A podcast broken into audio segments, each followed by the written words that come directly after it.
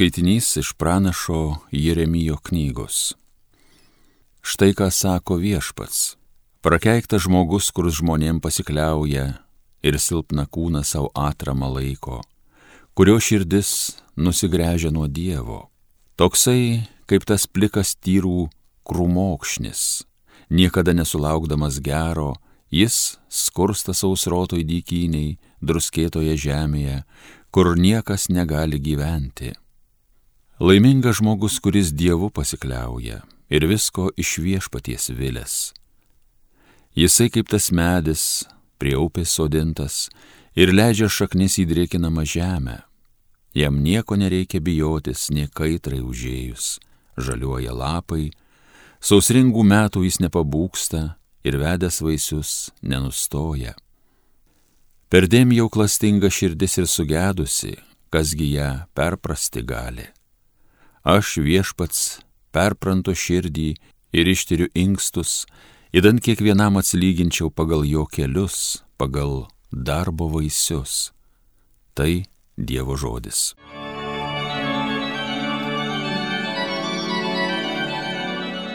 Laimingas žmogus, kuris viešpačiu tiki.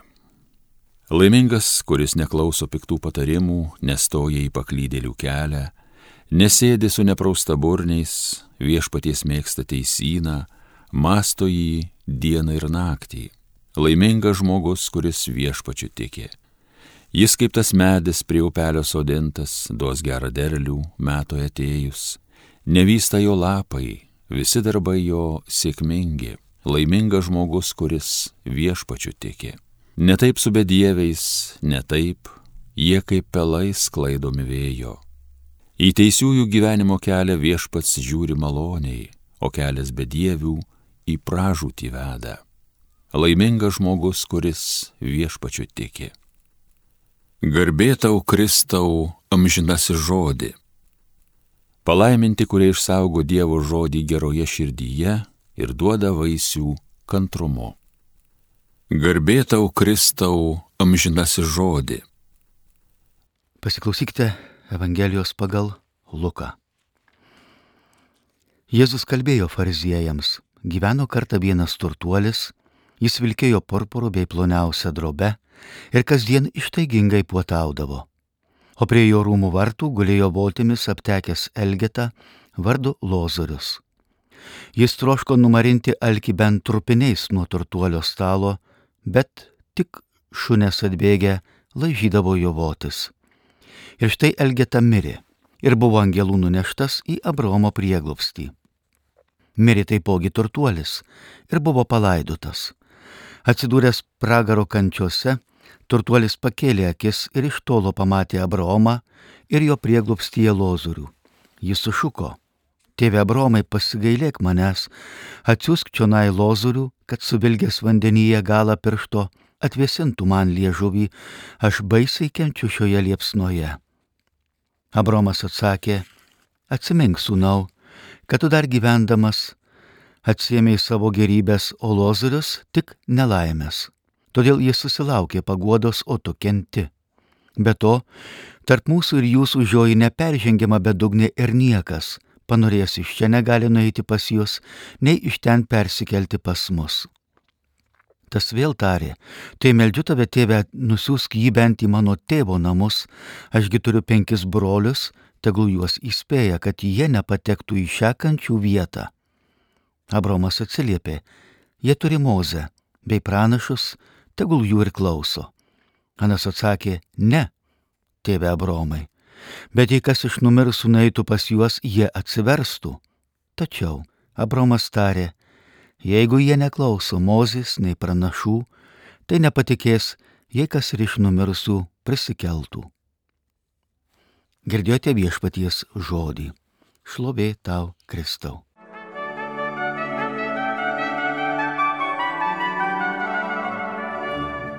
Taigi širpulinga istorija. Širpulinga ta prasme, kad mes labai irgi greitai galime atsirasti to turtuolio vietoje.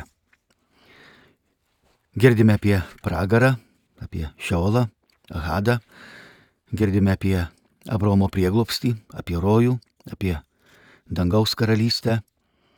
Kasgi sukūrė tą pragarą? Žinot, demonai liudyja egzorcizmo metu, kad tą pragarą sukūrė tikrai ne Dievas. Ne, ne, Dievas kūrė rojų. Ir žmogaus širdyje.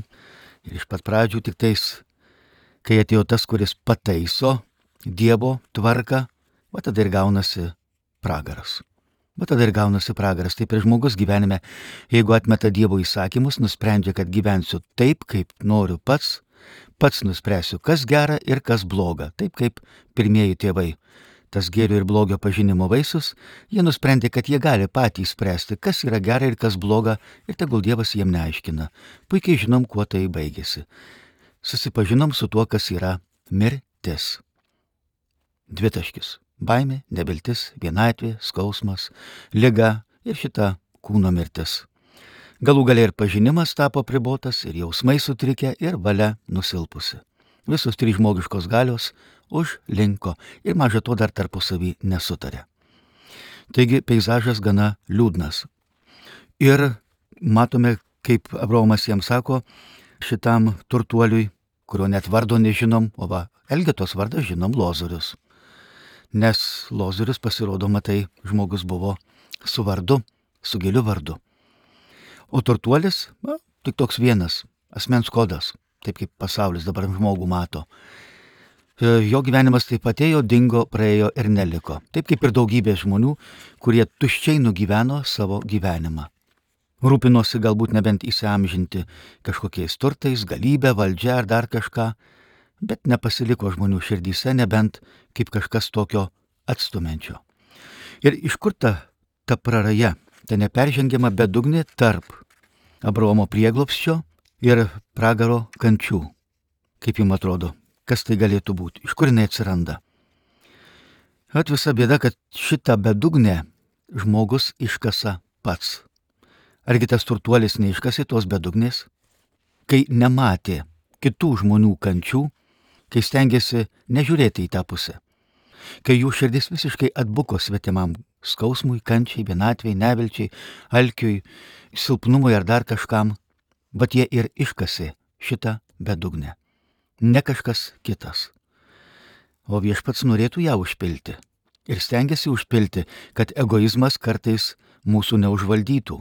Nes egoizmas dėja iš mūsų padaro gravitacinį kolapsą o tai reikštų ta juodoji kosmose esanti skylė, kur milžiniška užgesusi žvaigždė, ką daro, tik viską į save traukia.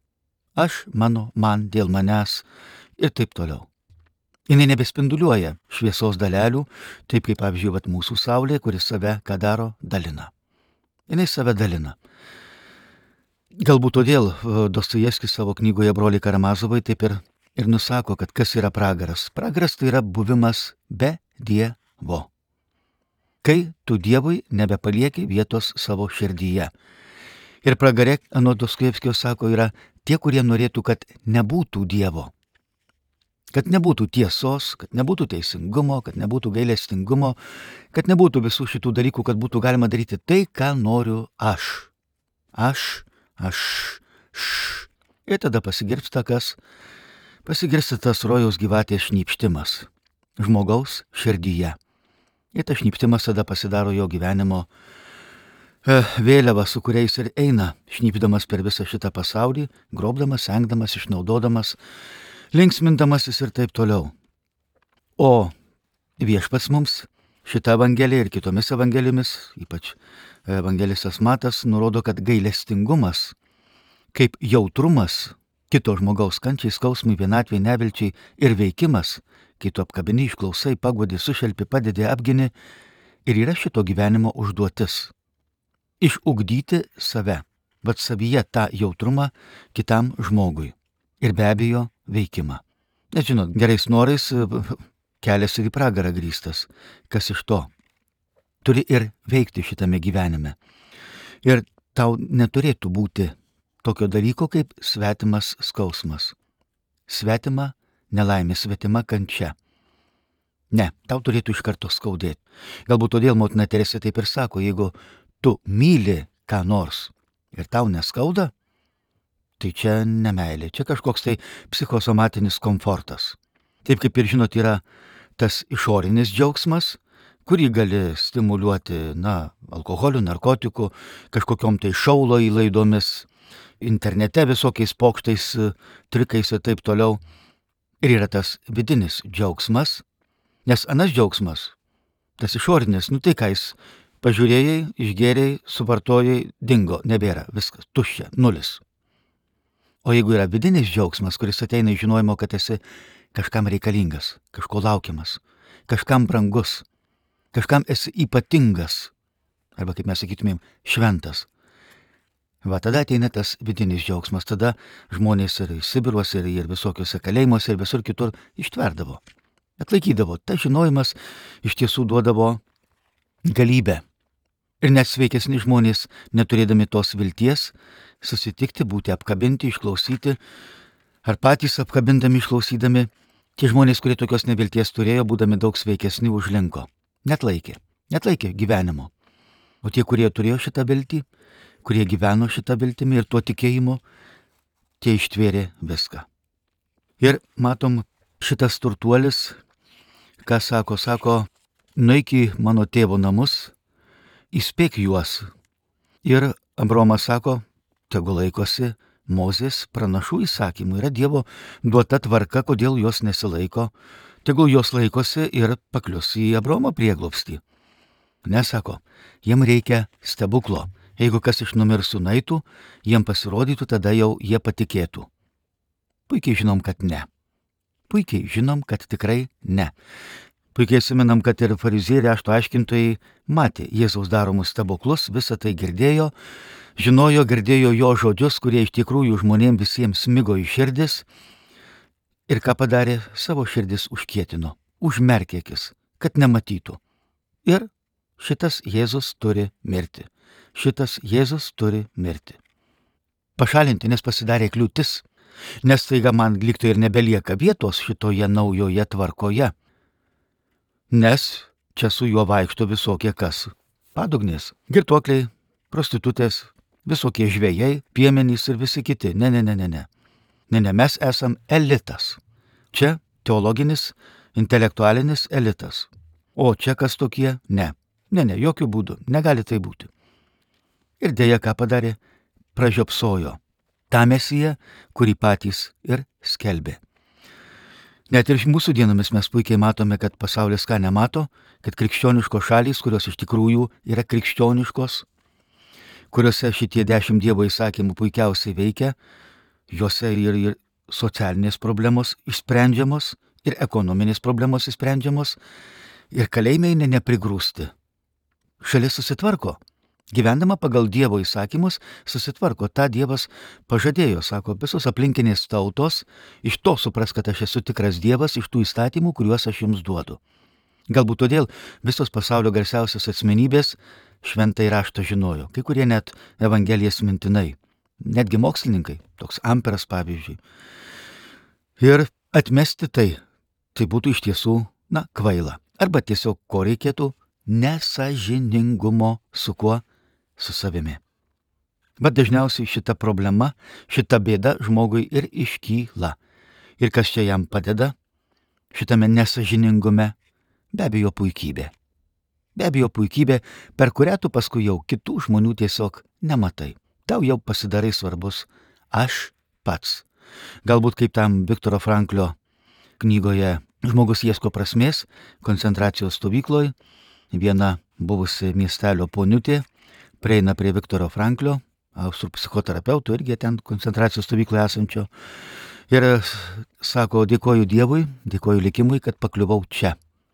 Nes buvau akla, įstrigusi savo linksmybėse, orgijose, intrigose, savo kapryzuose ir taip toliau, kuo vilkėsiu, kaip atrodysiu, ką aš nekėsiu ir taip toliau, kokie brangakmeniai, visi kiti, visa, visas kitas gyvenimo šlamštas. Ir nemačiau žmonių. Čia, atėjusi, pamačiau, kokie iš tiesų yra tie nuostabus, tie, kuriuos aš anksčiau nepastebėdavau.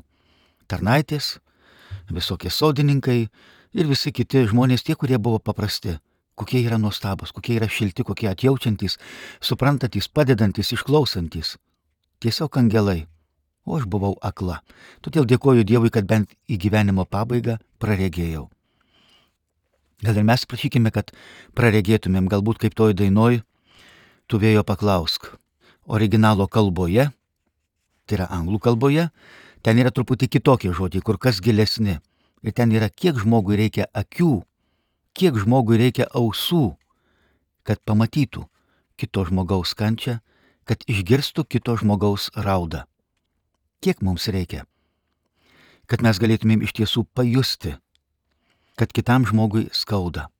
Galbūt todėl ir Dievas mums gyvenime duoda kančią, kad neužkėtėtų mūsų širdis. Galbūt todėl ir medžių žievė praplyšta, kad galėtų tie medžiai aukti. Kitaip negali su ta pačia sena žieve negali išlikti, nes kitaip tada neauksi. Galbūt todėl Dievas ir mums duoda, siunčia tą kančią, kad mes galėtumėm praplėšti ir jis yra tas, kuris iš tiesų mumis rūpinasi. Jis nepasiduoda tam, neleidžia, kad žmogus susižavėtų kuo pasaulio vertybėmis, kurios yra laikinos. Nes ir pasaulis yra laikinas, jame galioja tokie, toks fizikos dėsnis, kuris vadinasi laikas. Todėl bet kokios pasaulio vertybės, kuriomis kartai žmogus bando grįsti savo laimę, turtas, įvaizdis, valdžia, trumpalaikiai malonumai, jie visi subyra. Jų nelieka neapsimoka investuoti savo gyvenimo. Laiko, talentų ir visko į šitos dalus neapsimoka. Taškas. Dievo karalystės vertybės yra visai kitokios. Tai yra ramybė, saugumas. Ar apsimoka investuoti tokį dalyką? Manau, kad tikrai. Dievo draugystė. Kai jis tampa tavo gyvenimo projektų bendrautorius, o kadangi yra visagalis, tie projektai pradeda pildytis. Aišku, apsimoka. Tarnystė. Dievo karalystės vertybė yra tarnystė. Be abejo, apsimoka, nes tu padėdamas, tarnaudamas, užjausdamas, gelbėdamas kitus žmonės, tu ko įsigyji draugų. Tu savo nuotraukas palieki jų širdyse. Jie už tave per paskutinį teismą pakels ranką. O jeigu tokių nebus, kas už tave paliudys, kas pasakys, kad šitas gal ir nusidėjo, gal ir suklupo, gal ir svolučius buvo, niekšas, bet jis man tada padėjo. Jeigu ne jis, nežinau, kaip būtų mano gyvenimas pasisukęs. Ir be abejo, tai apie ką aš kalbėjau. Dievo karalystės didžiausia vertybė yra tas vidinis džiaugsmas. Kaip Jėzus ir sakė, aš noriu, kad turėtumėte gyvenimą, kad jo būtų apšiai, kad jūsų džiaugsmui nieko netrūktų.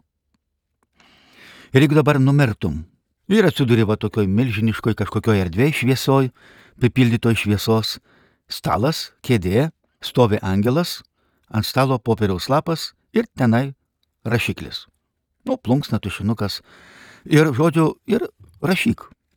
Rašyk, ko tu žmogau nori. Va žmogau, kas bus tavo širdyje.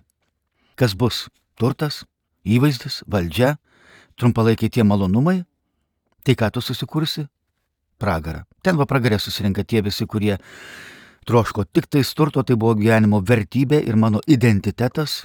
Aš pats buvau kaip aukso kažkoks gabalas, kuriem buvo svarbu atrodyti, o ne būti. Kurie norėjo kitus valdyti, vadovauti, nurodinėti, išnaudoti ir kurie siekė tų va, trumpalaikių malonumų. Taigi turėjo milžinišką salą, kurioje nuostabus oras, rūmai, auksas, brangakmeniai, gėrimai, skaniausi valgiai ir visa kita ir taip toliau, turi krūvą vergų, nu, robotų, tarkim, ar dar kažkokių, nes, nu, taugi nereikalingas žmogus su savo jausmais ar dar kažkuo. Ne, tau reikalingi tie, kuriuos galėtum valdyti. Ir ką būsi laimingas? Puikiai žinom, kad visi tironai buvo patys patys nelaimingiausi žmonės pasaulyje. Netgi jų visų gyvenimas kuo baigėsi - paranoja kito žmogaus baime. O Dievo karalystė kas yra? Dievo karalystė yra kito žmogaus meilė. Mylėti kitą ir būti mylimam. Štai va viešpats mums šitą siūlo. Šventieji rinkosi tai, ką pasirinksi tu. Ar tikrai tai bus rojus? Ar tikrai tuo galėsi džiaugtis visą amžinybę?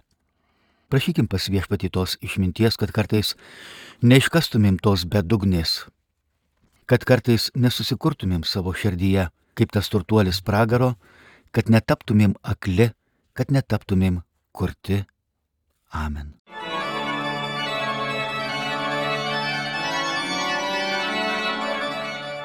Homilija sakė kunigas Erastas Murauskas.